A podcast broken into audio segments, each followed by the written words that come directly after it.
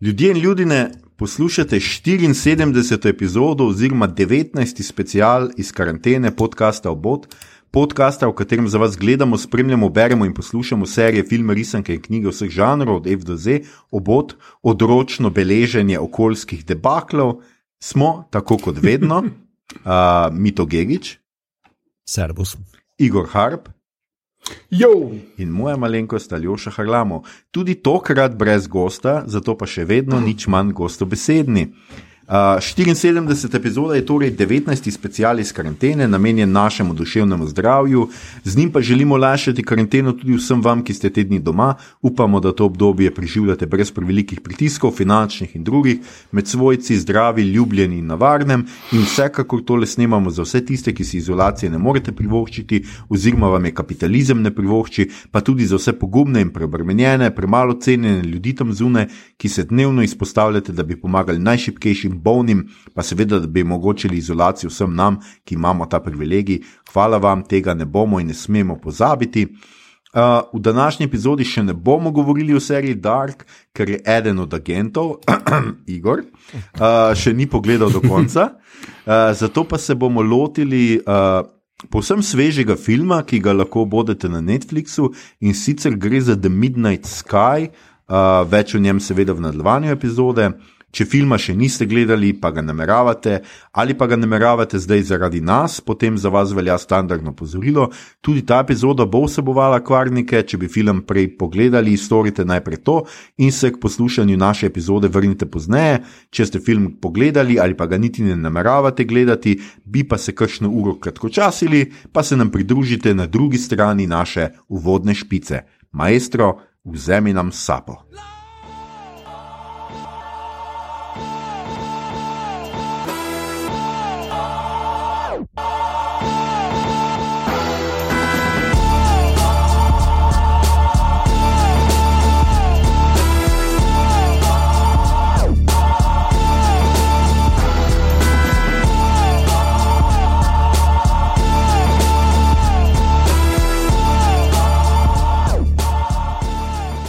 Živijo, mi smo nazaj, to je bila naša špica, to smo še vedno mi, še vedno v karanteni, še vedno imamo epizodo enkrat na teden. In če treba za vas pogledamo film tudi pet minut pred snemanjem epizode, um, mislim, pet minut prej ga končamo, ne v petih minutah, da ne bo kdo mislil, da. On, ki se daje za nas, veš. ja, naj, naj ljudje vejo, naj ljudje ja. vejo za žrtev. No? Ne, morajo, Ja. ne moramo mi biti uh, tako, da nikoli ne bi pokazali našega mučeništva. Um, skratka, The Midnight Sky smo uh, obodli med tem, uh, ker. Um, Skratka, kot rečeno, pač Dark vseeno še nismo uspeli vsi pogledati, ampak baje ga bomo že do naslednjič, ne Igor? Uh -huh. Ja, ja. Igor je pospešil, gleda, kar zmešan, vse razume, vse se mu sestavlja sproti, sploh ne rabi tega noč tuhtati. On... Celo, celo steno imam prelepljeno s slikami in nitkami. I got this. Tak, še, še angliške podnapise si sklopil, ker to mora laufati kar direkt. Aj špric dojč. Dal sem nizozemske, da je bolj zabavno. Ja, definitivno se ne bati, ne bomo govorili v nemščini naslednjo epizodo, uh, ampak Ah, mogoče, bomo šajse. pa, mogoče pa bomo povedali Dimatrix ali pa kakšno tako besedo. Uh, skratka, da Midnight Sky je bil zunaj 23. decembra, malo pred Božičem, če ste ga gledali za Božič ali za nov let, kar je nekako pasal v konec vsega. Um, režiral ga je naš uh, Gregor uh, Clooney.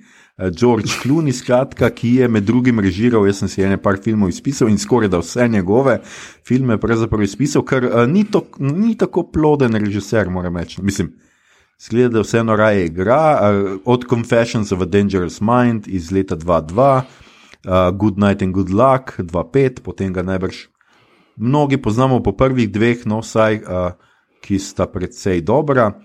Potem uh, Marčevske ide, tega jaz nisem več gledal, The Monuments Man in Suburbicon uh, iz 2017 je njegov zadnji film, predtem je pa vmes posnel še nekaj epizod uh, serije Kavel 22. Um, Mhm. To bi bilo, skratka, George Clooney v tem filmu tudi odigra glavno vlogo gospoda Augustina Lofthausa. Mm, s takim pristnim primkom. Mm, mogoče drugih igralcih kasneje, Felicity Jones igra, David Ojelovo, Kyle Chandler, to pa že bolj ali manj vsi tisti, ki najbolj znani. Oh, mm. Demian Behir, uh, Demian Behir je bil uh, v celem vrsti serij, pa enkrat je bil celo nominiran za Oscarja. Uh -huh. Uh, in je super igralec, vedno, on igra Sančeza, pa Ethan Peck je bil mlajši Augustin, on pa uh, je vnuk Gregorja Peka. Aha, to je vnuk, se pravi. Sem ja. prav pogruntal, da, da ima ta nek pek, nek ja. pomen. Jaz sem ja. še videl en hiter cameo za trek, ki je uh, čist na začetku. Ga prijateljsko ga spravlja na helikopter, oziroma se prepira, da greš ali ne. Tisto je igralec Tim Ross, ki je v Voyageru igral uh, Tuvoka. Aha, okay. Ja, ne vem, če v kreditih, okay, ampak to je samo tako hiter, kaj imajo, dve, dve, tri črtice ima to. Se se ga ne prepozna brez onega make-upa. Jaz, jaz ga prepoznam, pravi treki ga bi ga. Uh, uh, uh, mislim, da boš, da nadaljujemo. Skratka, um, uh, film je posnet po romanu Lily Brooks Dalton, romana je naslov Good Morning Midnight iz 2016, je, če boste si slučaj, slučajno poiskali. Uh, scenarij je pa uh, napisal Mark L. Smith ki je drugače, uh, napis, scenarist Revenanta. Skratka, če se mm. spomnite tistega filma, kjer ima Leonardo DiCaprio zelo bližnje srečanje z medvedom. Um, in ker smo že pri uh, Star Trekih in vseh teh podobnih zadevah, naj bi bil on tudi tisti scenarist, ki um, dela ali pa je delal, ne vemo, kje je ta projekt, na nepoimenovanem ne Quentin Tarantino Star Trek projektu. Da, um, mm -hmm. To so te zanimivosti, odsvirki iz. Um, Iz... To, še zdaj, to še mi zdaj ni jasno, kako bo izgledalo. Bo Samuel Jackson, uh, potem I had it with these motherfucking Klingons on this motherfucking starship. Eh, se pa tale, tale projekt je bil kar insane. On je v bistvu pičnil idejo, neko zasnovo, potem pa so tri scenariste imeli, da so naredili outline in so izbrali tega Smithovega. E, in s tem, da drugi scenaristi so čist druge žanre drugače delali. Eh, zdaj se ne spomnim, kdo so, ampak neki, ena scenaristka je bila, ki vem, da fantasy drugače piše. Uh mhm. -huh. In je bilo tako. Tako da on je imel idejo, pa so imeli tri čist različne izpeljave te ideje, pa so se odločili, okay, da jim nič narediti s tem. Ah, kot je ponavadi v Hollywoodu, primera. Okay. ja, skratka, to mislim, da pove marsikaj o tem projektu ali pa o teh idejah. Um, no, verjetno bomo kar nekaj govorili tudi o glasbi. Aleksandr Despla Aleksandr de Pla. Se opravičujem, hvala, Igor, za ta francoski poseg. Jaz sem se nekaj trudil, ampak ja, seveda, Igor ima prav in jaz ne bom poskušal ponavljati. Skratka, de Pla je tisti, ki je delal glasbo za ta film, in zdaj rabimo kratek recap tega filma, za katerega ponavadi poskrbi ja. Igor. Mhm. Če, če smem reči, hvala Bogu, da uh, to pot naredi samo glasbo, zato ker Monuments Man je brez kakršnega koli razloga igral enostransko vlogo, obupno, ker je skladatelj in ne igralec, mhm. ampak Kluni je rekel, rabimo enega francoza, očitno tudi pred kamero, in ga je silo igrati tam vmes. In, in tista scena je še, tam tiste scene, kjer se on pojavi, so med slabšimi v že tako zmedenim filmu. No. Uh, ampak ja, okay. tukaj pa naredi glasbo. Uh, Depla je en najbolj plodnih uh, teh skladateljev zadnje čase, od uh, tega kraljevega govora, za katerega je pobral Oscarja, ki je res fenomenalen. Uh, on naredil ogromno, tako ene tri. Filme na leto, tako večje, naredi glasbo. Ja, jaz mislim, da je dobo Oscarja za Grand Budapest, pa za, kaj sem še napisal tam, kjer ga že. Aljoša, prosim, preberi. Tako je. Shape of Water. Shape of water ja. Ja, ja, tega. Ja, pa že predtem za King's Speech. Ne, ne, dva ima. To sta ta dva. Okay. Uh, Dobro. A sem zmagal v trivi? Yes! yes. Bomo, bo neodvisna komisija preverila in se javila. Uh, gremo zdaj k filmu. Torej, uh, zgodba filma uh, Midnight Sky uh, se odvija na dveh lokacijah. Prva je lik tega Augustina, ki ga igra George Clooney, ki je na neki arktični postaji, zadnji uh, človek, ki je tam ostal. Uh, vsi ostali gredo domov k družinam, ker je bolj ali manj konc sveta. Ne razložijo na nobeni točki, kako in zakaj je do tega prišlo, vidi se pa na nekih posnetkih, vmes, ki jih on gleda na zaslonih, da gre za neko kontaminacijo z radiacijo, neko sevanje, uh -huh. ki pač do Arktike še ni prišlo. Uh, on pač namerava zadnji dni tam preživeti in ima neko mašino za neko vrsto transfuzijo, dializo, kakorkoli, umira od raka, uh, čisto točno, zdaj pa podrobnosti ne znemo, zakaj in kako. Uh, potem nekega dne odkrije, da je tam še ena deklica in uh, nikogar več ne uspe priklicati, zato pač uh, skrbi za njo, na kar uh, se pa odloči, da v zraku, v, v zraku, v vesolju, je pa eno vesoljsko plovilo, ki gre proti Zemlji in sicer iz uh, Jupiterove lune, ki jo je on odkril, ko je bil mlad. In ta Jupiterova luna je po nekem uh, čudežnem naključju dejansko uh, primerna za življenje. In posadka, ki potuje uh, od tam, je bila pač v komunikacijskem uh, blokadi nekaj časa, ker pač najbrž zaradi Jupiterovega sevanja ni mogla dobivati sporočil Zemlje, uh, zdaj pa jih enostavno ni več. Ne? Uh, in on jih proba kontaktirati, ampak zato mora iti na neko drugo arktično postajo, ki ima boljšo anteno in se odpravi tja, in vmes pač se stvari ne izidejo čist tak, kot bi se mogle, pa vseeno pride tja in se jim javi. Oni pa medtem potujejo proti Zemlji in tudi oni imajo probleme z tem, da jim ladja zaide, pa s tem, da so meteoriti. Pa tudi s tem, je na zadnje, da ima uh, ena od ta komunikacijska um, znanstvenica za komunikacijo, inženirka, kakorkoli, ona ima težavo, eh, nima težave, nosečaje. Uh, super igre. Uh, s kapitanom uh, posadke boste imeli otroka. Skratka, uh, on jih potem uspe kontaktirati, jim zračuna, kako lahko se obrnejo in grejo nazaj in tam nadaljujejo z življenjem, ker bodo edini ljudje, uh, mislim, edino preostanek človeštva. In to je nekako to. Uh, Vmes se še izkaže, da tista mala punčka dejansko ni. Uh, no, Škar spojilo. Ne obstaja. Glej, itak, ampak da je uh, njegova hčerka, ki je v bistvu uh, Felicity Jones, um, mislim, ta le lik Iris uh -huh. uh, v vesolju in da je zato v bistvu ostal, ampak da pač ni hotel tega priznati ali kakorkoli. Skratka, da film ima uh, zgodbo o koncu sveta, ki ga nihče ne proba niti rešiti, uh, ker je prepozno za to, in vsi se nekako sprijaznijo s tem in uh, zelo civilizirano poslovijo. Uh, kar je redko, moram reči, uh, to vrstni filmi. Uh, ponavadi vedno probajo najti neko rešitev, uh, se borijo za neko rešitev, jo najdejo, vse nekaj ljudi preživi.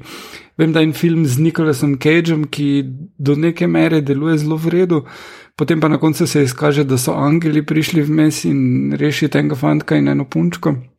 What? Pol pa. Pač, ja, Nikolas Cage je bil v glavni vlogi, moral bi vedeti.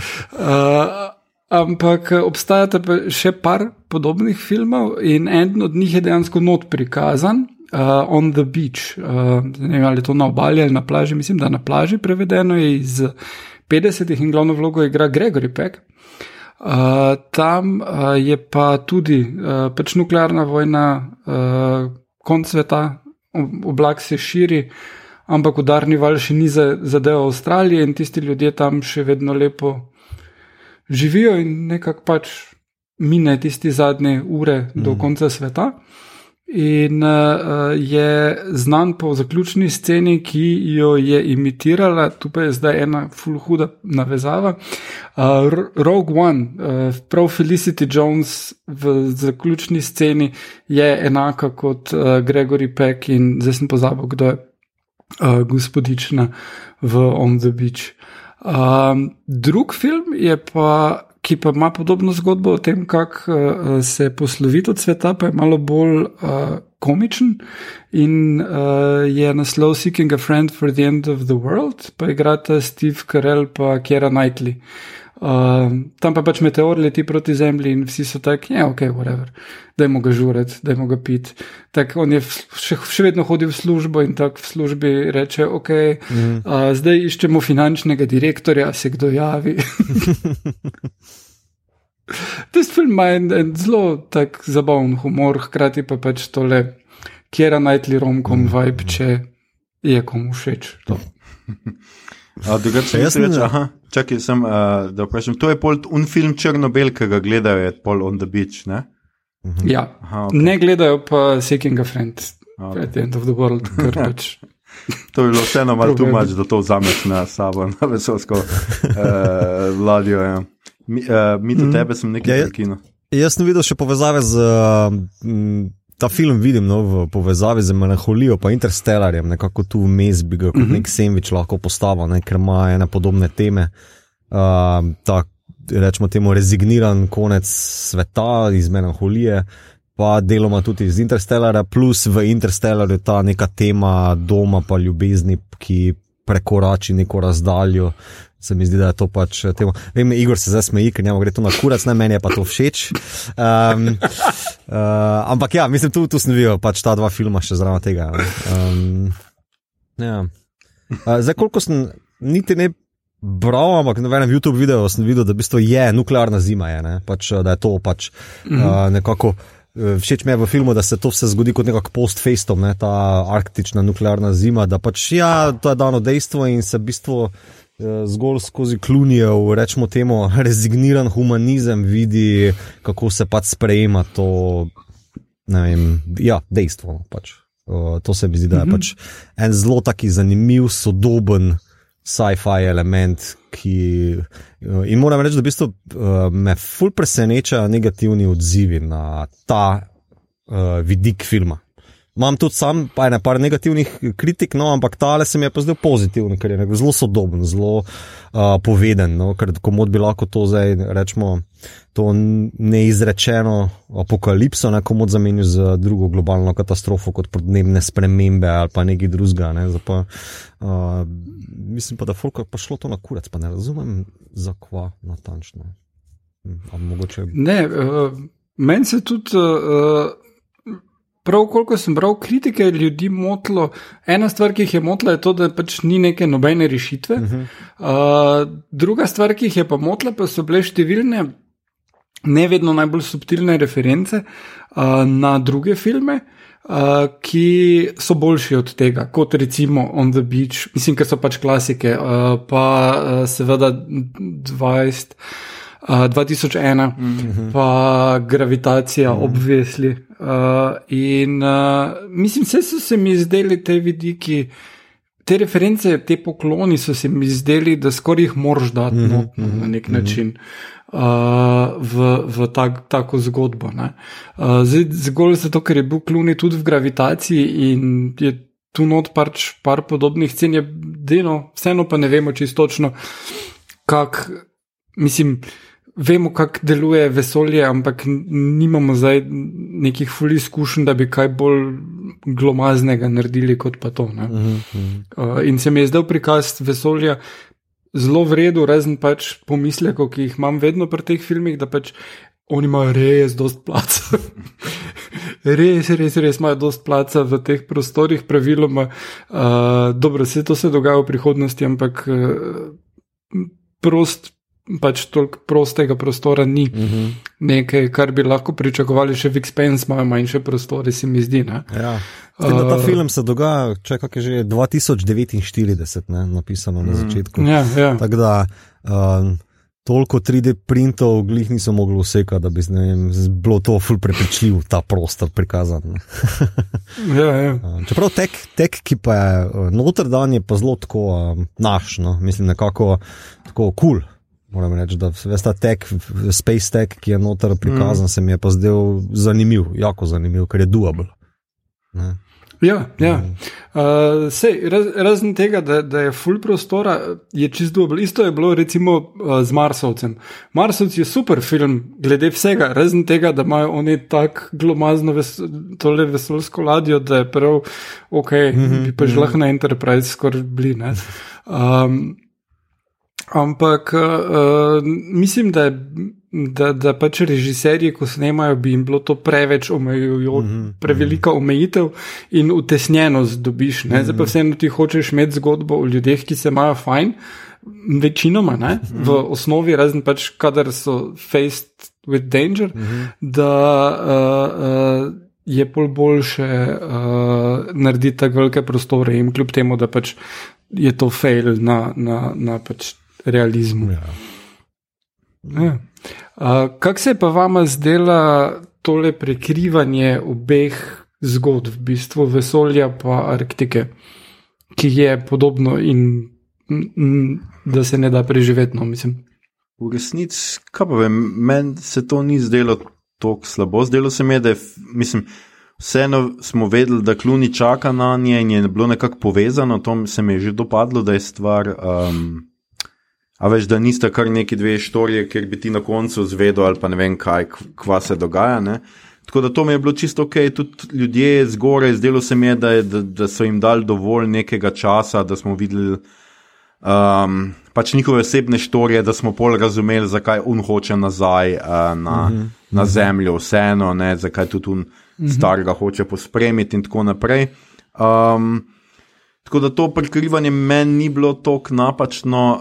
Um, Nasplošno se mi je zdelo v tem filmu, kar bi jaz pač, um, da ne pozabim, rad opozoril na te točki, je, um, da ni bilo vseeno toliko pretiravanja z čustvi. Meni je to bilo pozitivno. No? Meni se je ni zdelo, da zdaj mi rabimo, ne vem. Uh, George Clooney, kako gleda TV, na katerem ljudje umirajo, uh mhm. -huh. pač neke novice in tako, pa katastrofo gledati, zato da bi mi opazili, kako sam je, kako izoliran je, kako je pač ta občutek, da je na koncu sveta ti dobiš absolutno že dovolj s tem, da je pač tam ta pač zima oziroma ta.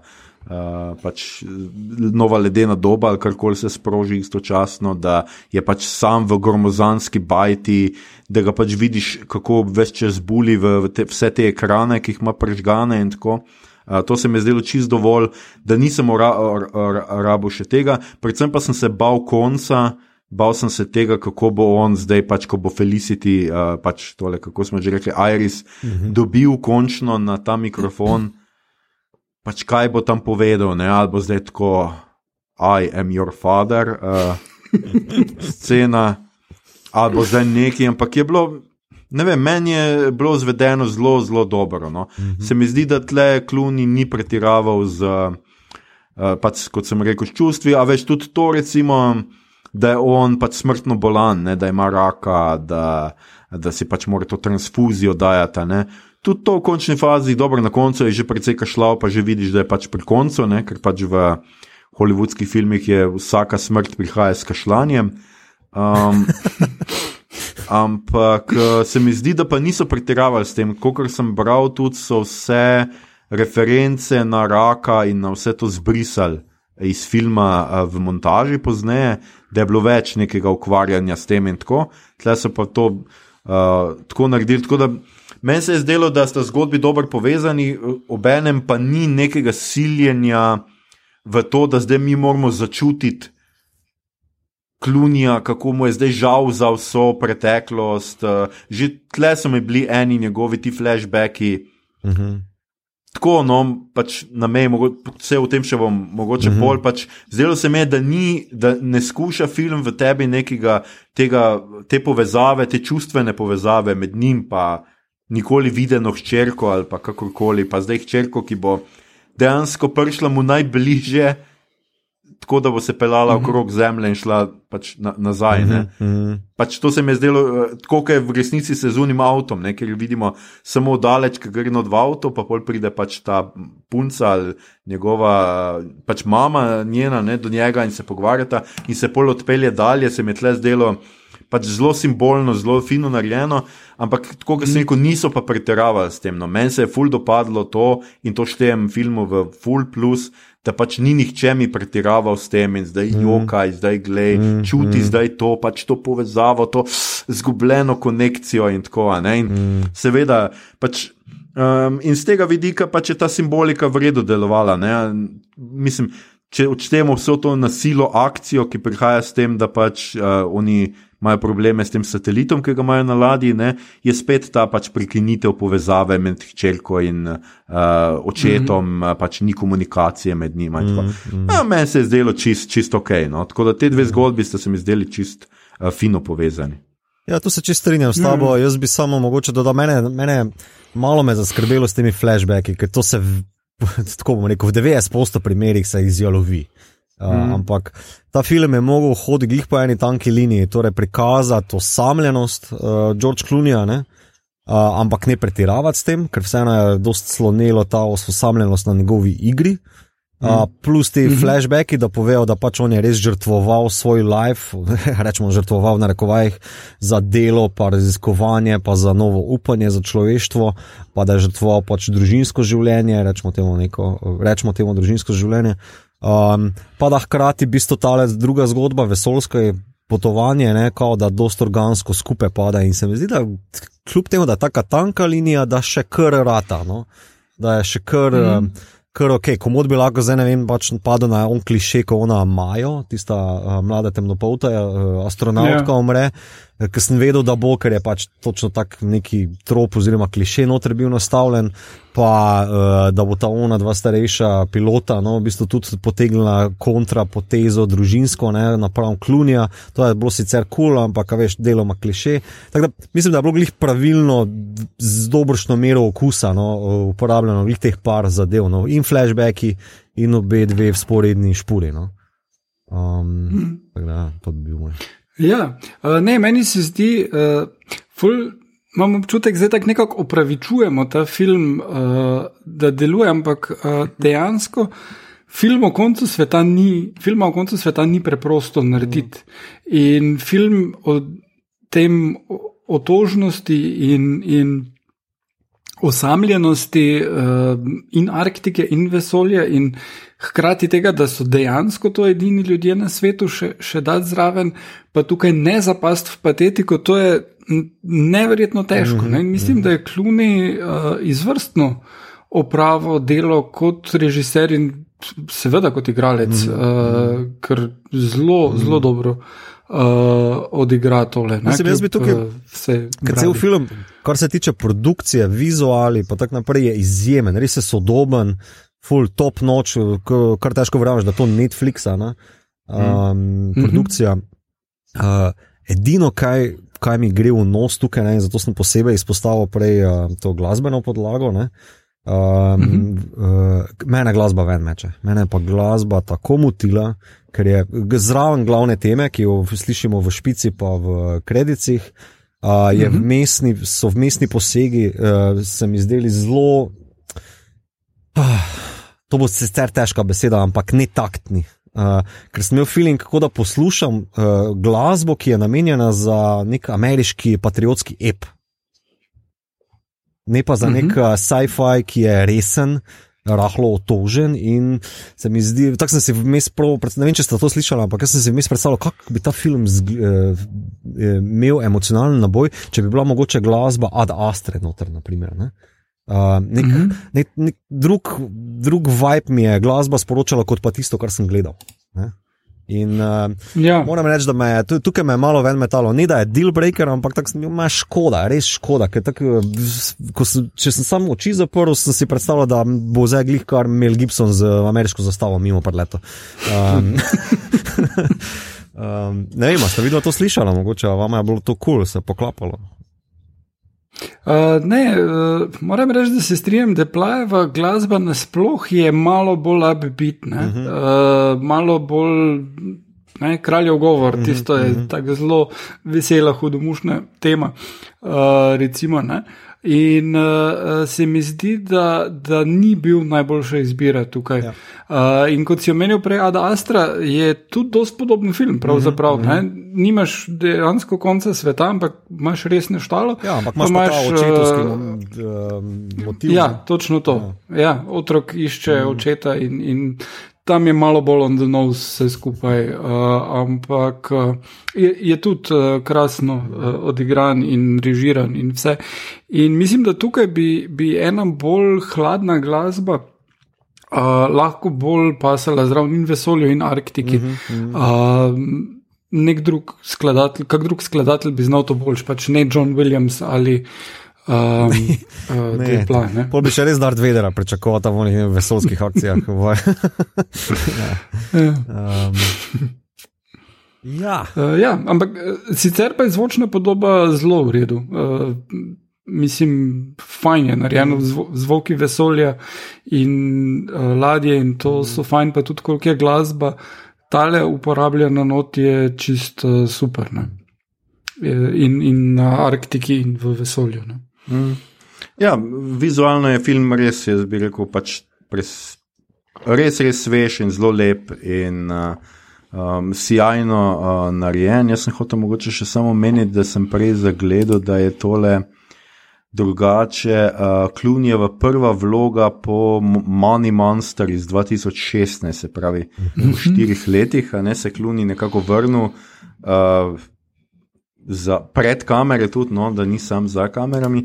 Sem pa hotel jaz še, seveda, omeniti um, to, kar sem pač opazil že v, v, v prikolici, ne, in bom tudi v zapiske nalepil eno uh, bom dal tam povezavo. Ne? Jaz sem vama v zapiske na lepo sliko svojega tvita, ko sem delil tale. Um, Ko sem delil tole prikolico, v katerem sem zapisal, tole ne zgleda slabo, samo če se bo na koncu izkazalo, da je tista deklica privid, ker gre za Felicity Jones kot otroka, njegovo hči, potem sem vam zdaj le pokvaril film. In, uh, oh, ja, en, ja, uh, en nasmeško zraven, skratka.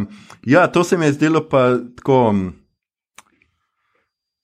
Pač se vem, problem, jaz ne vem, jaz mislim, da je dan današnji problem bolj z nami kot s filmom. Ne? Zdelo se mi je v redu izpeljano, no? Ni me zmotilo. Uh mhm. -huh. Uh, sicer ne vem, če sem glih razumel, zakaj mora biti ena luškana deklica tam le pač tako zelo nebogljena, prestrašena, več čas z njim, razen če je to njegov demon, ker je tako zelo. Ko, ta občutek, imaš malo tega občutka, se mi zdi. Jaz sem imel res malo ta občutek, kot da je pač on, ja, fulje osamljen in si je pač začel umišljati nekoga ki pa tudi predstavlja ta njegov, bi jaz rekel, otroški strah pred koncem. Preprosto je neko mhm. otroško nedožnost in skušanje zanikanja neke realnosti, ki je zunaj, da je nekdo, ki se riše. Tako, nekak, tako sem si jaz to predstavljal. No, in, in mi je bilo mogoče malo lažje. Je pa ja, pač very obvious že od začetka. Uh, skušal sem film sicer nastaviti, da je tam neka deklica ostala, ja, ker jo je bil dober. Ja, ja ampak mm -hmm. deklica je seveda ime Ana, ne, ni Iris. Mm -hmm. uh, oziroma, yeah. Ja. dobro, ne vemo, če je res Iris, ampak punčka pokima, ko jo vpraša, če je ime Iris, ja, ja. tako da domnevamo, da je. Um, Ja, nas, Ampak, a, do, a veš, kaj to pomeni? To pomeni, da so Ano tam samo pustili, ko sta ona dva. no, no, no, Igor, ne bi zdaj. Ne, zdaj še večjo depresijo spravlja tega, tega, tega, tega filma. Um, ja, in pač do tistega trenutka, ko pa pač jaz mislim, da je vsakemu gledalcu rado jasno, pa tam, ko je seveda eh, ona v avtu, ne, v tem flashbacku uh -huh. in je ne pokaže. Tisti trenutek pa verjetno vsi, verjetno, uh -huh, uh -huh. če do takrat niso skužili, da je to ona, so verjetno takrat res skužili, da je. Uh, tako da na koncu me ni tako zmotlo. No. Se mi zdi, da si fino zapeljal. Ja? Meni se zdi, da je bilo kar organsko notro upeljano, ker eh, lahko bi bral sem eh, ene par variant, da se vrta lukne, zdaj v tem, kaj ona deklica prenese, pa zagrabi, pa lahko to dela zdaj v okviru zgodbe, ki je full sci-fi, a veš, ampak deklica notro uporabljena. Eh, ne za kot neka plot luknja, ampak kot ta emocionalni naboj, ki ga skušajo mm. povedati. Nekaj vseeno mm -hmm. skozi flashbacke mi spoznavamo pač človeka, ki je se odrekal in odrekal in pač v zadnjih trenutkih svojega življenja išče povezavo na vzven in si je pač kreiral to povezavo. Uh, in se mi je zdelo pač, hej, bod tem kritikom bi lahko zdaj tako rekel, hej, vi, YouTube, negativci, ali kakorkoli. Mm. Uh, tu se gre za emocije, za čist, čisti lep humanizem, kot človeka, ki je na koncu svoje poti in išče povezavo z nečim, kar je odrival uh, stran svojega življenja. Ne? In se mi zdi pač mm. ta tema. Uh, uh, zelo lepo naslikana skozi to deklico, no, skozi ta prvi. Ja, hkrati pa pač, če eliminiramo deklico, ne, se seveda izkaže, kokr, uh, pač, da je on res v zadnjih stadijih bolezni in da ima tudi neke pač, ne vem, privide, da pozablja stvari, a ne se pravi, da je pol. Tisto, kar v kuhinji gori, je seveda on naredil, če deklice ni. Mm. In je v resnici, mm. se tudi on na začetku to, tako reagira, ko najde eno skledo, na pol neki z nekimi kosmiči ali kaj noter, na pol pojedeno on reagira tako, ker se ulije v svojo, pač jo šit, pozabil sem, že sem jo mal meša, pozabil sem tam. Mhm. ne na zadnji tudi, kar neki pije, no, pa jaz mislim, da glede na to, da transfuzijo. Ma to ni glih najboljši, verjetno kombinacija. Ja, pa neke no. tablete čvoka. Ne, tam. Ja, no, ja. tako da ta koktejl pijače, tablet in uh, alkohola, verjetno res, res ni uh, najboljši, kar je zgodovina že večkrat pokazala. Uh, ampak. Uh, Ja, no, pač, uh... Ampak uh, ne glede na to, da, da ima halucinacije, pa to plava v ledeno mrzlih jezerih in se potaplja, pa odlično, in potem tudi ga nič kaj ne zebe, ko pride ven na, no, le, nazaj na ledeno ploščo. Je malo, no, kaj ga zdaj ni zebe. Itak je, glikar se je sveže kri menil, veš pa ni tako. Ja. Mogoče ima pa ta super soldier serum, pa bo še nadaljevanje. Ja. Ja. Uh, no, to moram reči, da je bila edina scena, ki me je zares zmotila. Vse je super posneta, pa mislim, vsaka čast klunijo, tudi sem bral, kako so to snemali.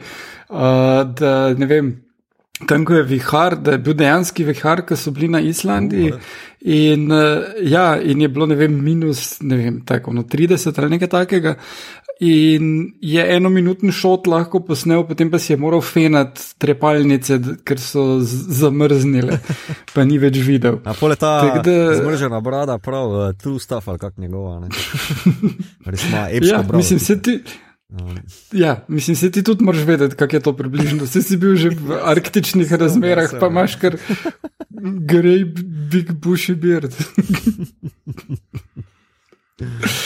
um, Ampak ja, mislim, razen tiste scene, pa se mi vseeno zdi povsem. Uh, uh, Dost realističen ta njegov pohod, še vedno. -huh. uh, pa uh, vredno mi je bilo, to mi je bilo zelo vredno narejeno. Uh, moram reči, da mislim, tak en pure sci-fi film je to eden boljših novih, ki sem jih v zadnjem času videl. Ne? bolj tu nekje mi je kot Ad Astra, mogoče mi je boljš celo. Um, ampak uh, všeč mi je, da se spet odpirajo neke take teme, zakaj bi morali biti vsi uh, sci-fi filmi pa zdaj o nekih junaštvih mm, in, mm. in ne vem kaj vse. Mm. Uh, meni je fajn gledati, kako ljudje razmišljajo o vesolju. In uh, tole mi je bilo zelo, zelo všeč. Mm -hmm. Ja, ja, poleg tega jaz moram tudi reči, da um, se mi zdi to kar primerno tudi času, v katerem smo, bom jaz tako rekel, ne v katerem. Uh, zdaj, recimo, ko je COVID nas udaril, sploh ne razmišljamo več o globalnem, uh, pač o sprememb, podnebnih spremembah. Se zdi, ne, -hmm. čeprav v resnici je tudi COVID del problema, je verjetno tudi so podnebne spremembe zraven. -hmm. In se mi zdi, da je tak film, ki ti malo tudi pesimistično pokaže, češ pač je pa ga ne bo se dalo, ko bomo enkrat prišli do neke točke, se ne bo dalo obrniti. Mm. Se mi zdi, da je v končni fazi to tudi čisto na mestu. Mm. Da je mogoče, so nas ravno te neke ideje.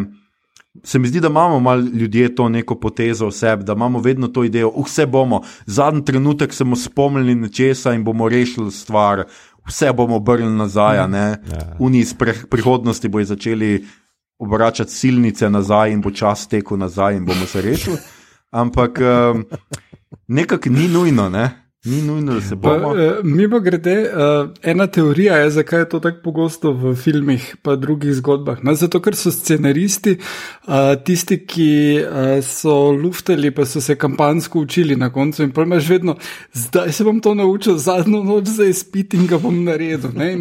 Imáš to, to, to mentaliteto, ki se naprej prenese v reše, način reševanja problemov junakov v filmih in hkrati zgradiš fajn napetost s tem. Mm bo šlo malo, ne, zadnjo noč sem učil. um, zanimiv, zelo zanimiva teorija, Igor. Dragi Igor, to, to je bila pa res zanimiva teorija. Uh, ne vem.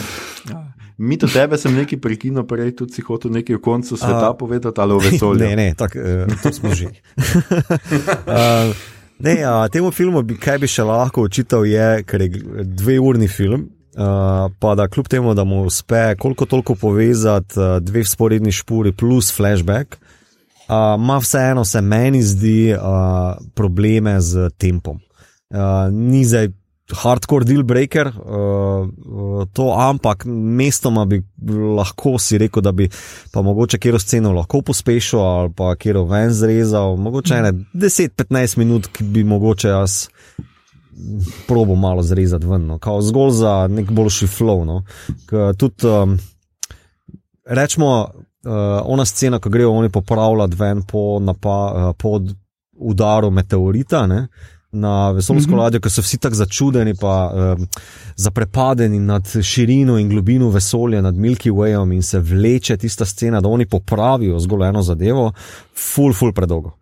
Uh, mislim, da ta zgodba malo trpi, vse se full ustavi. No? In pol greš zopet nazaj na zemljo in glih se on pogovarja s punčko, nekaj pa zopet hitro pade v neko akcijsko sceno, pa nazaj in je tako malo, malo je hektično, pa mislim, da bi se dalo tu malo, čist malo priškrniti. No? Um, uh, Ja, se uh, um, Kluni je rekel, da uh, se njemu zdi ta film kot miks med gravitacijo in uh, povratnikom, uh mhm. -huh. Revenantom, glih zaradi uh, tega scenarista.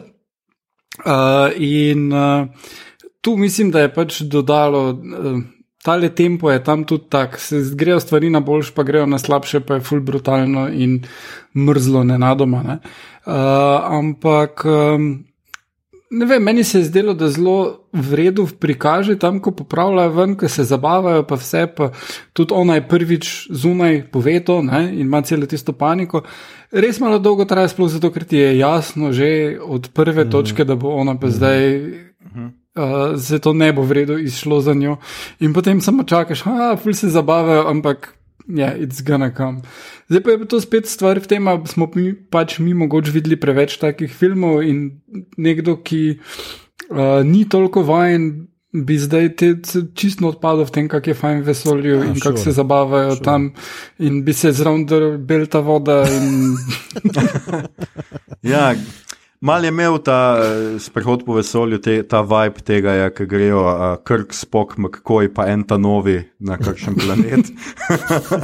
uh, si reče, da je to nekaj. Ja, ja, ja. Se mi zdi, da je kar, uh, malo mal tega vibe, je pa res, se strinjam. Jaz nasploh mislim, da je pač mal tle film, ima ta problem, mogoče problem, no, ni problem, no, ampak. Um, dejansko kluni mogoče ne gre čist do konca s tem filmom, da bi naredil pač, veš, če si jaz predstavljam tle enega evropskega režiserja, enega Rusa, bi to bil film, ki bi imel same pokrajine in uh, vesolje in noč akcije, ne? skratka, mhm. noč ne bi padal vodo, nikor, nihče ne bi umrl na postaji, razen prostovoljno. Pač, mal tega, te evropske miselnosti mu mogoče mal manjka, pač, mhm. dajmo film res narediti depresiven, če že delamo depresiven film. Ne? Ker, da si jaz mhm. predstavljam, da bi to bilo nekaj takega, kot stoker. Skratka, mhm. -huh. res imeti uh, ma, še manj emocij, še manj neke te akcije. Ne. Je, ja, jaz moram tudi reči, da me ta akcija se mi zdela pač malo preveč nesilo. No. Čist dovolj bi bilo, da grejo malo ven, pa da še pokaže vesolje. Ker planet, eh, mislim, ta luna, no, ja, ki jo obiščejo, ja. ja, te uh, lepe pokrajine, to se mi je zdelo vse super. No. Res so naredili, pa tudi mm -hmm. ta vesoljska ladja, no, se mi je zdela zelo, zelo fantastična, ok, malo krade od tam, pa od druge, pa od še kje, ne, da pač je podobna je vsem vesolskim ladjam z kultnih filmov, ampak se mi je vseeno zdela zelo lepa, no, pa zelo taka na zunaj, govorim. No, na, na znotraj se strinjam, da je prevelika, ampak pač gledaj. Leto 2049 bo. Ljudje bojo že uh, 20 let v karanteni in pač mogoče si želijo vse vesoljsko ladjo imeti velike prostore. No? ja. 嗯 In mi bomo takrat, če zdaj na hitro preračunam, pri 1516. specialu iz Karantene. In ta bo posvečen včerajšnjim novicam o koncu sveta. Ja, ja, to bo to edino, kar bo ostalo še od našega ja. zemlje, veš, naših specialij. ja, absolutno. Jaz mislim, da jih pošljemo pol vesolje in da to, da to poslušajo neke rase, ki bojo prišle za nami. Ja, ja. To je to, kar ostane za Ja. Slabo Žal pa, nikoli ne, bo- ja, žal pa nikoli ne bojo izvedeli, kako se končajo romani Game of Thrones, ker še takrat ne bojo šli do konca. Mislim, da je sam to, sam to stalnica. Bo. Mi pa to, da Martin ne bo napisal do konca. Um, a je hotel še kdo kaj v tem filmu, še kaj, um, še kakšna pripomba? Še Ja, jaz bi še eno ja, temo izpostavil, ker film ima biblične tendence, nekako zelo katoliški se mi zdi na cajte.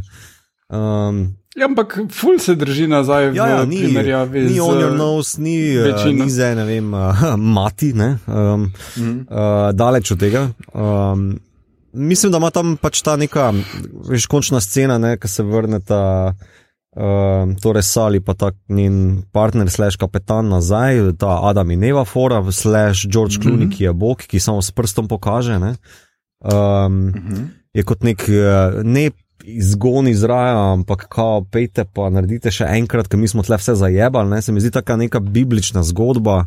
Uh, skozi sci-fi filtrirana in to orang filtrirana, ampak je tam ta neki moment uh, odsotnega uh, očeta, ne, Boga, ki uh, ne z, skuša komunicirati z nami, ne, ampak ne, ne, ne gre, samo pokaže, kje je bil raj nekoč. A Veš, taka neka, mm.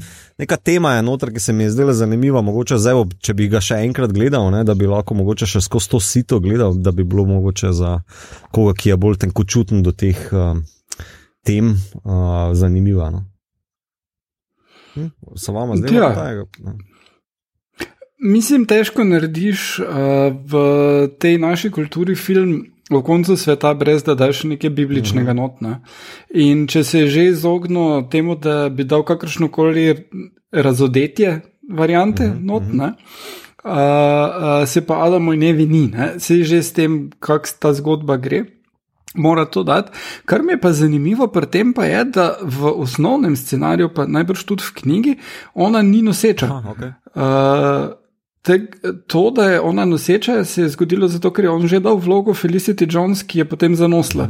In uh, uh, namesto da bi jo zamenjali, je on šel sam spremeniti scenarij, tako da je to dodal. Aha, okay.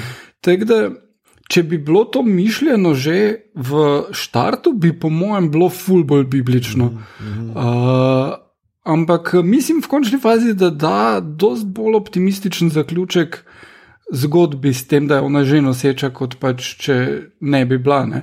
Ker ne na zadnje pač. Glede na vso znanost, ki jo imamo, vemo, da uh, pa na expense, da nosečnost uh, in porod v vesolju ni ne? Ja, ja. nekaj, kar bi Ne, saj hoteli furati. ne. Tudi če greš čist sci-fi varianto, ona dva se vrneta nazaj na K23 Luno, kjer je pač mo mogoče še življenje, ampak človeštvo je obsojeno na propad, ker v bistvu ti z enim parom ne moreš zgraditi nazaj, je gensko nemogoče. Um, Je no, mislim, ampak če smo pa zdaj spet na ja, Bibliji, to pa ne? je drugo. Ja.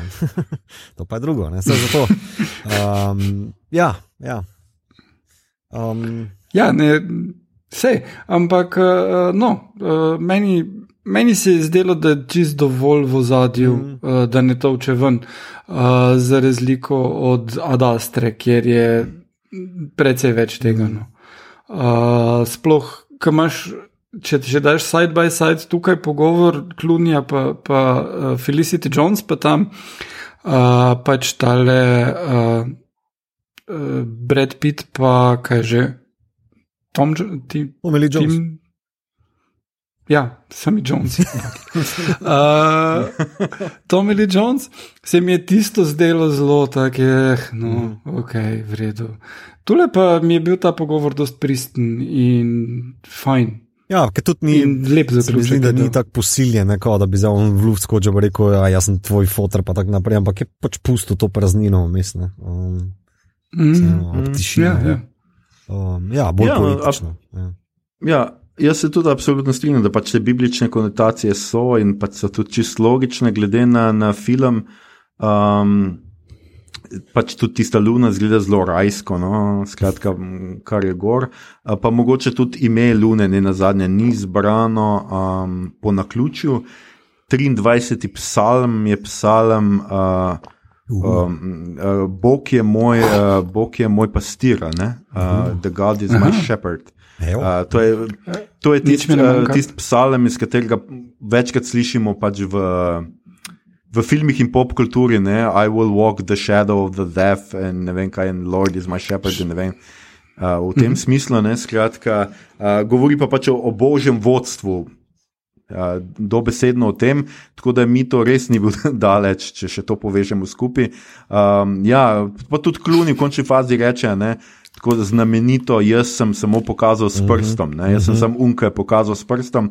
Pa mislim, da imajo Simpsonovi to zelo pogosto, ne, da roka z neba kaže s prstom. Ja, ja. Pač, kao, ne, uh, Uh, tako, tako da, ja, se mi zdi kar, kar primerno. No? Uh, definitivno zdaj, ali je to dovolj en par, da naredi človeštvo znova. Glej. Mogoče pa so še tam kakšni ljudje, kaj pa nikoli ne veš. Uh. Sicer pa se nista, Reci- se pol na, na ladji nista sama, če kdo še ostane. Ne, gor. noben. Ne, noben. A ja, a ja, točno, Sama sama sta. sta. Ja. Ona Maja. Uh, je pa tudi res. Je pa tudi res, da v Bibliji ni glih, da ti zveš, odkot so ostali ljudje prišli. Ja. Mogoče pa tudi Maja imela kakšne jajčnike shranjene, ki ali pa ne vem kaj. Pa, pa kar naenkrat imamo Raised by Wolves sezono 2. Veš. Uh, ja, še eno vprašanje vam zavajam, uh, ki je tudi glih navezava na to, koliko se vam zdi, da je vsem tem uh, rasistkom všeč, da se zgodba konča s tem, da Earth no raj je populated by a black guy and a white woman. To mislim, da tak je enim tak kar averzija. Tak, Ja, jaz mislim, da, Meni je prav jaz mislim, da rasisti ne gledajo sci-fi. Ja, definitivno uh, sci-fi ni za rasiste. Ne. Mm, ne. Razen mogoče Kot ni alternativne, Trek je, alternativne ja. zgodovine, veš, mogoče to, to je za njih bolj. Um, ja, definitivno so Fantasy. to pač namenoma tako zbrali, ne. to je tudi precej uh, logično. ne. Um, čeprav pač vidi se, da nista glih krščanska družina ali krščansko vzgojena, ker oba priznata, da tega nista načrtovala. Pač, mm -hmm. ne, to, se- to se mi zdi tako malo. Mal se mi to ne zdi v redu. No. Ja, Halo. sta vse iskrena Ja, glede tega. povedal. Ja. Kakšen raj bo to, ki ni načrtovan? no. Interstellar sin, veš. Mislim, film se nam je čisto dopadel, no, je absolutno gledljiv, absolutno pogledajte, lahko si to pogledate. No, in uh, tudi zelo lep je, jaz bom še enkrat pač podaril, mm -hmm. ker se res moram reči, res lep film. No. Tako da, mm -hmm. pa tudi George Clooney ima strašno brado. No. To je, uh, tudi to je treba za To pogledati. No. za oceno višjim je, je ta brada, veš. Ja, ja, jaz tudi mislim. Glej, če bi Georgea na- poslali na nek planet ali pa nekam pač drugam, bi že z njegove brade te klice ustvarile lahko novo človeštvo. šele. Veš.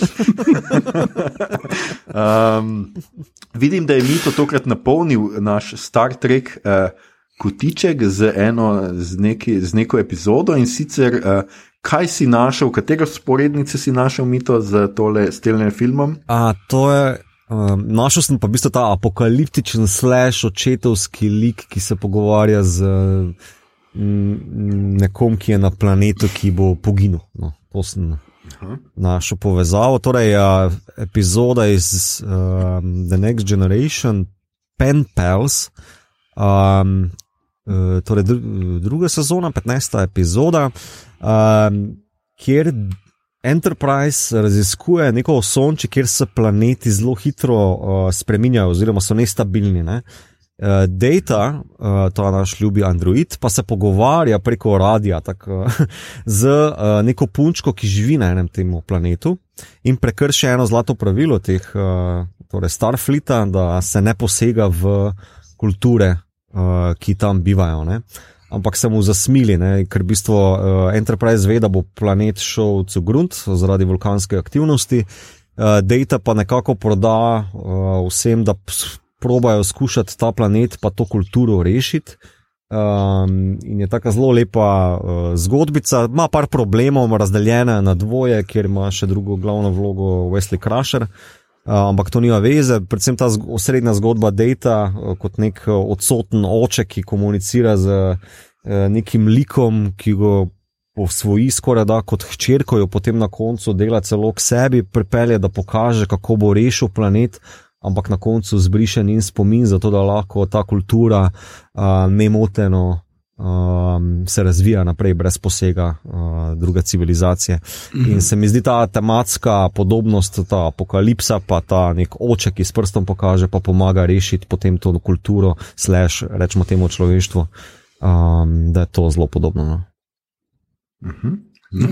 Sliši se uh, izredno zanimivo.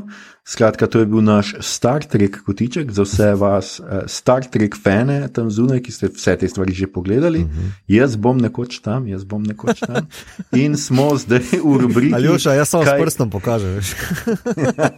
in smo v rubriki, kaj gledamo, beremo, poslušamo. In um, tukaj, tako kot ponavadi, tako kot zmeraj, začne Igor, da nas razsvetli, kaj je vse uspel pogledati, prebrati, poslušati v tednu dni. Igor. Ja.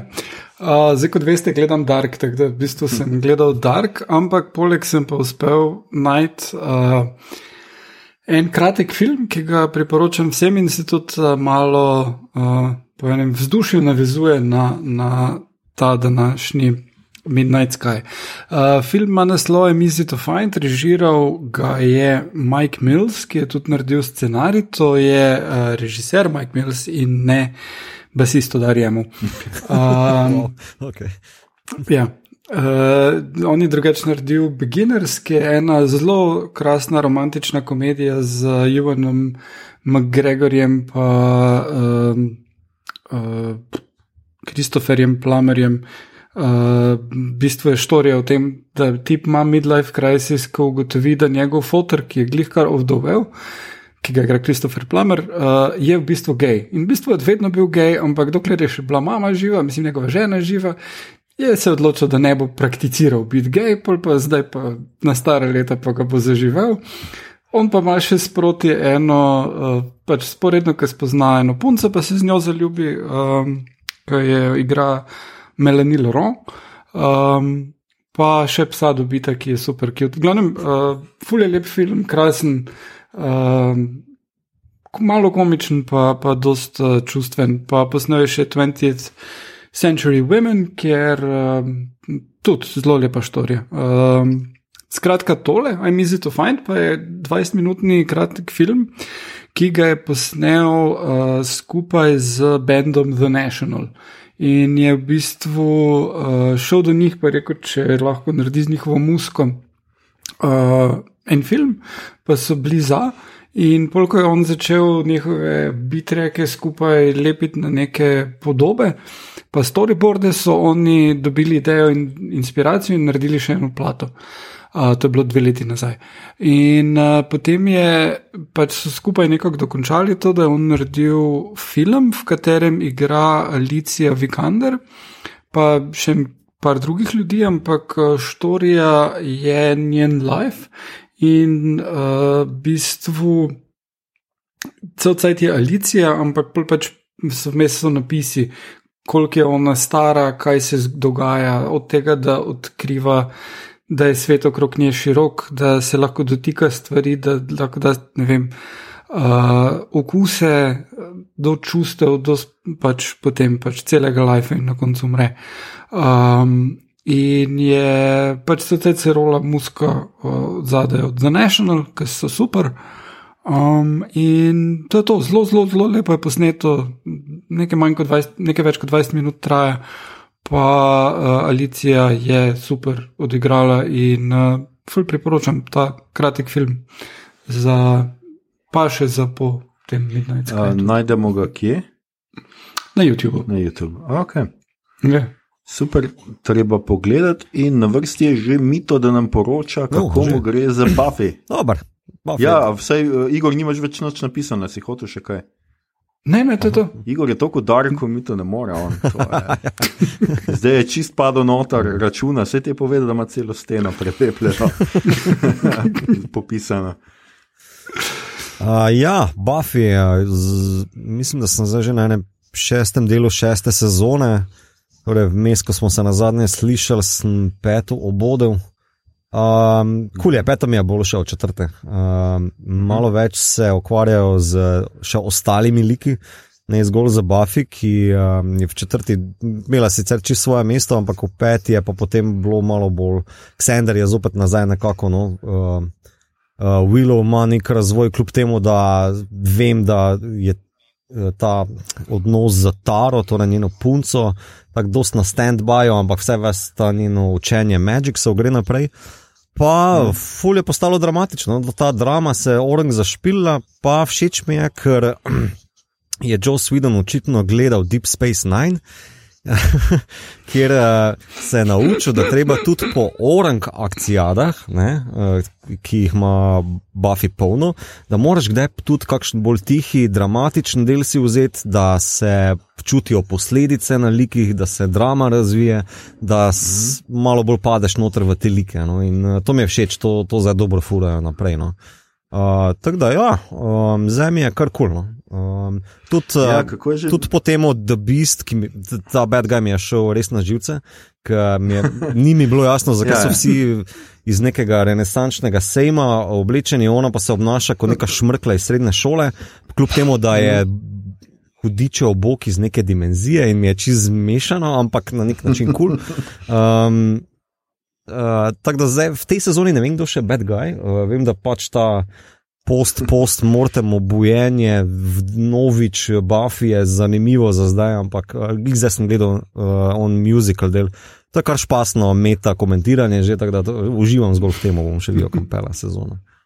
Um, ja, je, ja, ja, kar nekaj eh, zabavnih stvari je, je tle. Kaj sem hotel reči? No, kako ti je bil všeč del The Body? To je za me. Mislim, da si govoril o drami, ko si govoril o tem, si seveda govoril o delu The Body, ki je za me eden najboljših. Eh, tudi ena najboljših epizod. Z naslovom sem bolj bog, kjer je to? Uh, to je seveda, ki pride domov in je Joyce uh, na kavču, uja, uh, mrtva. Uh, kar hardcore, mislim, da te kar ja. šokira, ja. ker Buffy ima vseeno po večini nek bolj lahkoten značaj, bolj pa kar naenkrat imaš najprej nek cancer, pol pa aneurizem, pa uh, vsa ta mm. drama z bolnicami, pol imaš neke bankrote, pa veš, kar naenkrat te vrže v zelo drugo predstavo, si kar že tako fata mm. fakt se dogaja. In ja, ja, ta del je kulja, um, zelo. Kako pa ti je bilo všeč tale fora z Don, ki so naredili pač, da ima sestro naenkrat? Uh. Naco, happy, se štekam za kvas, to naredil, ker po, pač po odhodu Rajlija je Buffy nucala nek emocionalni uh, mm. sidro ali primež, da se tako izrazim. No? Um, ampak tudi ta igralka ne zmore dovolj, da bi bilo veš, vse skupaj neka full hardcore uh, drama uh, mm. zadeva. Tako da štekam za kaj, ampak na pol narejeno. No? Um, ne, drugače je bilo tako, seveda v živo je to bilo še malo drugače. Uh -huh. Mene je to mhm. res, takrat se spomnim, ker sem gledal in bila kar nekaj neka sestra, nisem nič tekel. Uh mhm. Kaj je zdaj naredil človek božji, pa še kar nadaljuje se in si posli tako, fuk, a so res zdaj oni tle. Se je naredil, kot da, ko da je imela vesta in mm -hmm. sestro, mm -hmm. pa mi nismo opazili, mm -hmm. kaj je, no, pol pa skužiš vse to. to ja, cel čas skušam nekako tehtati, kako je. Um, Um, bilo to takrat, torej 2001 je bila peta sezona, ne? v bistvu kako je bilo to takrat mm. njih zagledati, ker tudi eh, konc sezone je tako sam nagrobnik, pa fuck off, pa se tako pizda, to je kar težko, ampak seveda smo na ključku že šesto, jaz vem, da gre naprej. uh, in je, pa tudi eh, kako so upeljali Don, si predstavljam, da si je folk mislil, pa kaj se vi greste, to je še slabše od najslabše dinastije ali kakorkoli. Mm. Uh, ampak moram reči, da je bilo vsaj iz tega pisateljskega uh, scenarističnega pristopa zelo zabavno narejeno, ker vse ona, cel cel dnevnik piše, noben ne ve, kdo sem. Ne, noben ne ve, da, kdo sem v resnici. Tako tak da ti pušča te le drobtince, kram se uh, zaglodati. Mm. No. Tako da, ja. No, zdaj jaz doživljam to, kar si doživljal, ko sem jaz začel Star Trek gledati. uh, fino, mi to fino, ampak še nekaj gledaš, vidim. Ja, na Netflixu je prišel, prišla peta sezona, torej Brooklyn Nine-Nine. Jaz se nisem prehiteval po piratskih straneh in sem jo počakal lepo. In ja, kaj ne rečem. Kul, kul, kul, kul, kul, kul, kul. Kul, Brooklyn Nine-Nine je zakon, nimaš kaj. Uh. Hm. Jaz bi jo pa mogoče še enkrat pogledal, dobro, da si me spomnil, da, da je že prišla na, na Netflixe. Mm. Netflixa ste. Netflixa uh, to je to, mi to? Mm -hmm, to je to. Okay, uh, jaz bom tudi povedal nekaj, uh, kar sem pogledal, pa mogoče lahko začnem s tem. Tudi, kar je prišlo na Netflix, je nedolgo tega in to je serija Offert, Offert, ne vem kako se to v islandščini preveri, skratka, naslov Trapped, jo najdete v angleščini ujeti. Um, na Netflix je prišla druga sezona, mislim, da lani sicer uh, že iz leta 2019. Uh, serija je sicer tako precej sporadična, kako bi človek rekel. Prva sezona je bila namreč v letu 2015 posneta, uh, oziroma je išla, druga pa zdaj le v 2019. Um, Taka tipična skandi kriminalka, bi jaz temu rekel, mogo, no, mogoče ne zdaj čist tipična, nima teh prevladujočih tem skandi kriminalke. Je pa druga sezona, meni se zdela izredno zanimivo, um, zelo aktualna, no, skratka, um, dogajajo se neki umori in um, uh, seveda se izkaže, da neki, da zatem naj bi stala neka organizacija, ki se imenuje Torovo kladivo ki naj bi seveda zahtevala, da se vsi tujci poberajo iz Islandije in da se neha Islandija, islandska narava preprodajati, razprodajati pač nekim tujim glo, globalnim firmam, ki želijo vrtati torej, na Islandiji. Make, make Islandija great again. ja, v, v tem smislu. Um, hkrati pa seveda potem, mislim, Izpadajo, seveda, so tudi rasisti, napadajo tam neke delavce, ki so tuji delavci, ampak po drugi strani se seveda izkaže, da ta korporacija je evil in da seveda onesnažuje okolje in da imajo glede tega prav. Tako da ni nič iz črno-belo, je pa pol res, da se na koncu pač ne bom nočem preveč kvariti ljudem, ampak ta vsa ta linija nima kaj dosti povezave s tem, zakaj se dogaja v morju v resnici, in se na koncu izpelje na tako zelo slovensko zgodbo, bi jaz temu rekel. Um, se pa spomnim, da mi je bila prva, prva sezona še dosti bolj všeč. No? Um, in ja, uh, čeprav zgleda ta glavni igralec, kot hodor, ni hodor. No? To je Igor se sicer malo uh, hecal, ampak ja, je pa človek res ogromen in tako. Uh, Uh, in je zelo dober igralec. No, meni men je že zaradi tega uh, serija kar všeč. Skratka, pogledal sem jo, ne vem, če bo tretja sezona ali karkoli, kot rečeno, to je zelo nenavadno posneta. Ja, serija. Ja, letos pride. Prosim? Letos pride tretja. A res? Letos pride, ja. A ja, no, evo, Igor ve. Le, zakaj sem jaz nekaj spraševal prazno? Igor ve. Um, potem sem pogledal I'm Your Woman, nekako smo tuhtali o tem. Eh, kaj bi snimali za danes, in sem se jaz javil, da pogledam tole. Gre za uh, film, ki ga najdete na Amazonu, um, v njem igra Rachel uh, Brosnahan. In um, tako, it's not great, it's not terrible, neki vmes, čisto gledljiv film. Pa, v katerem pa jaz nekako nisem našel neke blazne poante, jaz sem pol bral, da eni fulga hvalijo, zato ker naj bi šlo za um, film o ženski emancipaciji, meni se ne zdi. Uh, pravijo, da ne bi bil film o nekem materinskem nagonu, meni se ne zdi. Pa pravijo še tudi, da ne bi bilo to gangsterski film ženske perspektive, kar se meni spet ne zdi. Večinoma, kar dobimo, je, da ženska beži pač pred ljudmi, ki jo hoče ubiti, in da se na koncu stvari bolj ali manj razrešijo. No? In, uh, tako, predvsej je tak 90 akcijski film razen da ima zelo malo akcije, da skuša biti zelo realističen, ampak nekako, kar jim pač meni se zdelo najbolj ne poveže, ne nje z drugimi liki najboljš, ne nje s tem otrokom. Ne... Meni je malo všeč ta ideja, da pač te kar počijo. To ti vidiš v bistvu neki pet minut filma. Uh, vidiš dva prizora z njenim možem, v enem, ki prinese otroka od nekod, ne da bi povedal, odkot pač kao ker ga posvojita, pri čemer ne veš, ali ga je ukradel ali kar skratka, mhm. otroka prinese in to je to.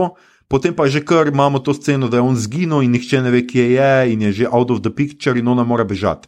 In to še je nekako bilo ok, ampak pol se mi zdi, da ne, ne, ne poveže se preveč dobro s tem, ki jo pomaga za celo družino, uh, pri kateri je akcija nekako med sabo ni najbolj povezana. Tako meni, meni je bil še kar mal boring, no, čeprav je tudi tako to bo mogoče mito, če ga bo kdaj pogledal, kaj več povedal o tem. Pač tudi barve so pač ta kvazi 70, gledamo skozi neko na pol sepijo, uh mhm, -huh, zelene uh mhm. -huh. barve ali ne vem kaj. No. Skratka, meni tudi to ni bilo tako všeč. Je pa igra pač full dobro, se reče, je sjajna igralka in tle v resnici ni kaj za reči. Ampak ne vem, kot rečeno, meni je bil tako mal poprečen, no, nisem izdel nič posebnega. Uh Mhm. -huh. Sem pa pogledal tudi, seveda, prva dva dela WandaVision, uh Mhm. -huh. uh, kjer jaz moram reči, mi to je tudi pogledal, no, uh -huh. in ni, nisi tako nadušen, ne, če prav razumem. Uh -huh.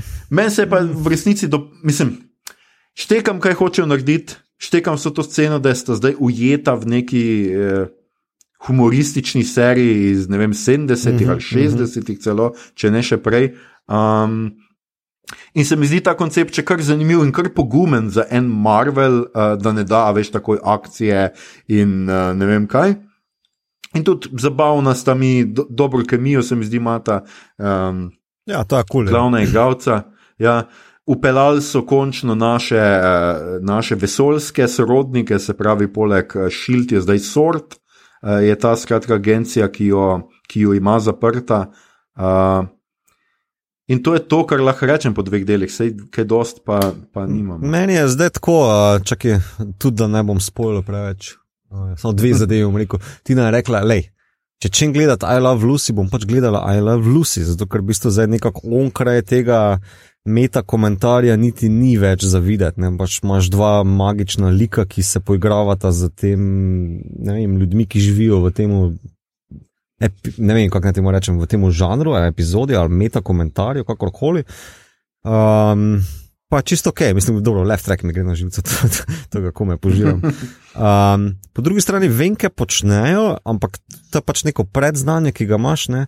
Še eno dodatno predznanje, ki me tu moti, je pač, da Legion, um, tudi Marvelov lik, sin uh, Xavers, mislim, sin uh, profesora Xavierja, ne? uh, ta serija mm. dela. Točno isto, kar WandaVision skuša, vsaj do zdaj, ki sem videl, narediti, ampak stokrat boljše. Ker so vsi ti žanrski komentarji, pa rečemo neke mentalna stanja, da se zdaj tako izrazim, toliko bolj našpičena in že od prvega dela naprej. Ne? Tako da jaz mislim, da mene mogoče tu moti, kao, aha, vidim, kaj delate, pa mogoče malo priškrnajo ene zadeve za Disney plus uh, občestvo. No? Medtem ko na Legion, ki je pa na FX-u bil in je bil sposojen lik ne, iz Marvelovega vesolja, je dosti bolj hardcore in ga tudi priporočamo vsem, da, da si pogledate to serijo, ker kar se pa tam tiče tega.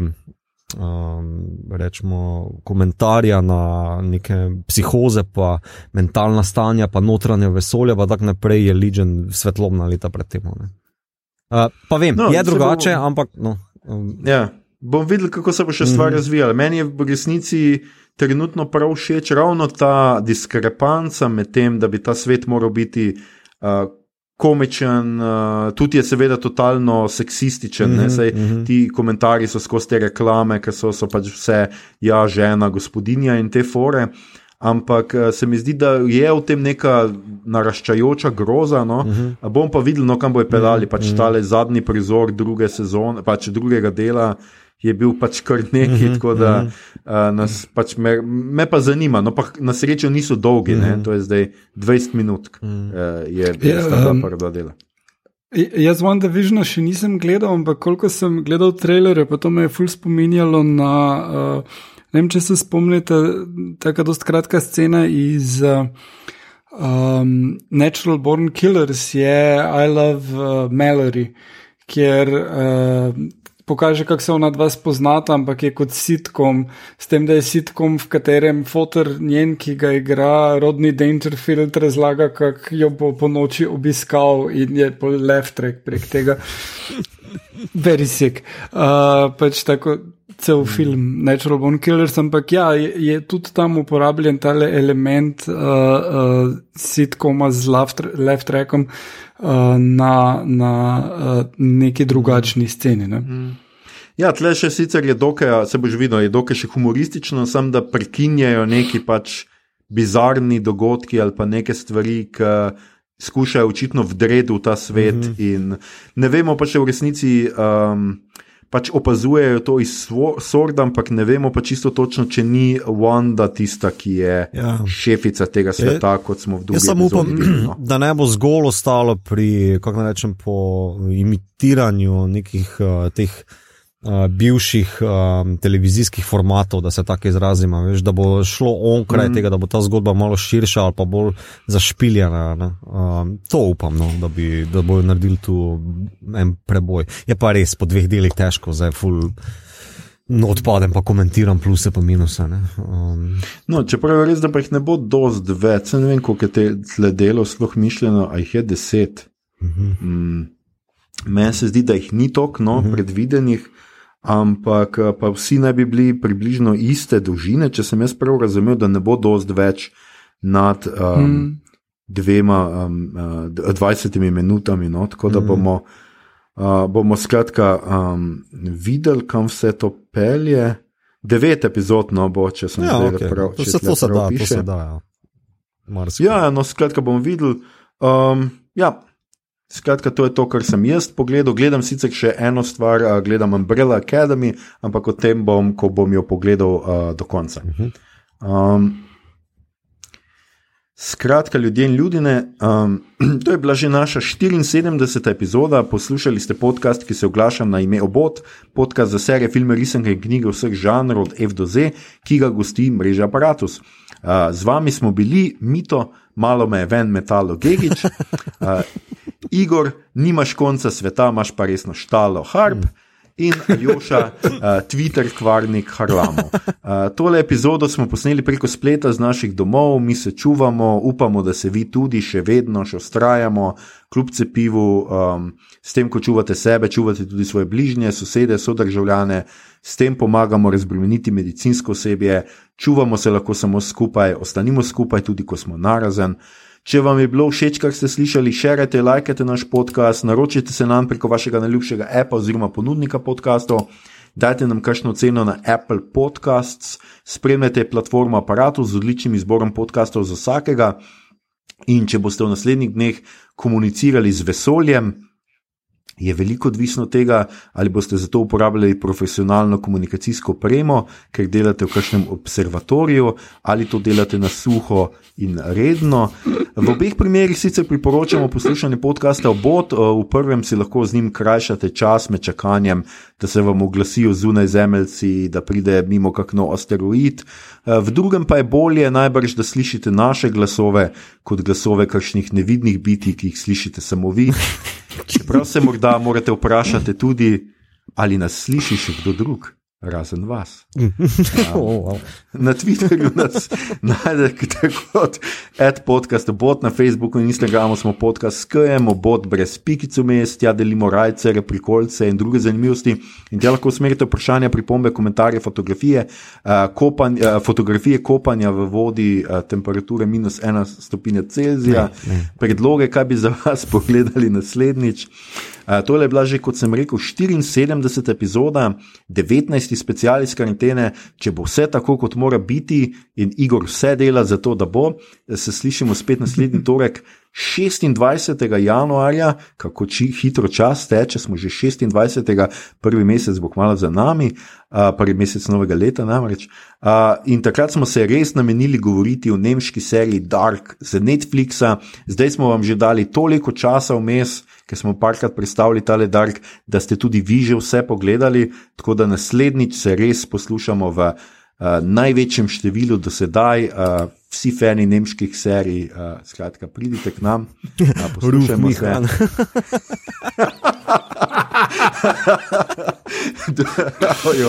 uh, dragi otroci, ki niste nikoli uh, ostajali po polnoči doma pred uh, kakšnim kaj bi, ne ZDF, proziben in takimi mhm. kanali. Ne, ne googlati teh eh, stvari. Uh, ja. Do takrat pa, drage obodovke in obodavci, ostanite zdravi, kjerkoli že ste, upamo, da ste lahko doma, uh, se slišimo in poslušamo. Mhm. Je rekel, da je to res, od, od vseh, od vseh stvari.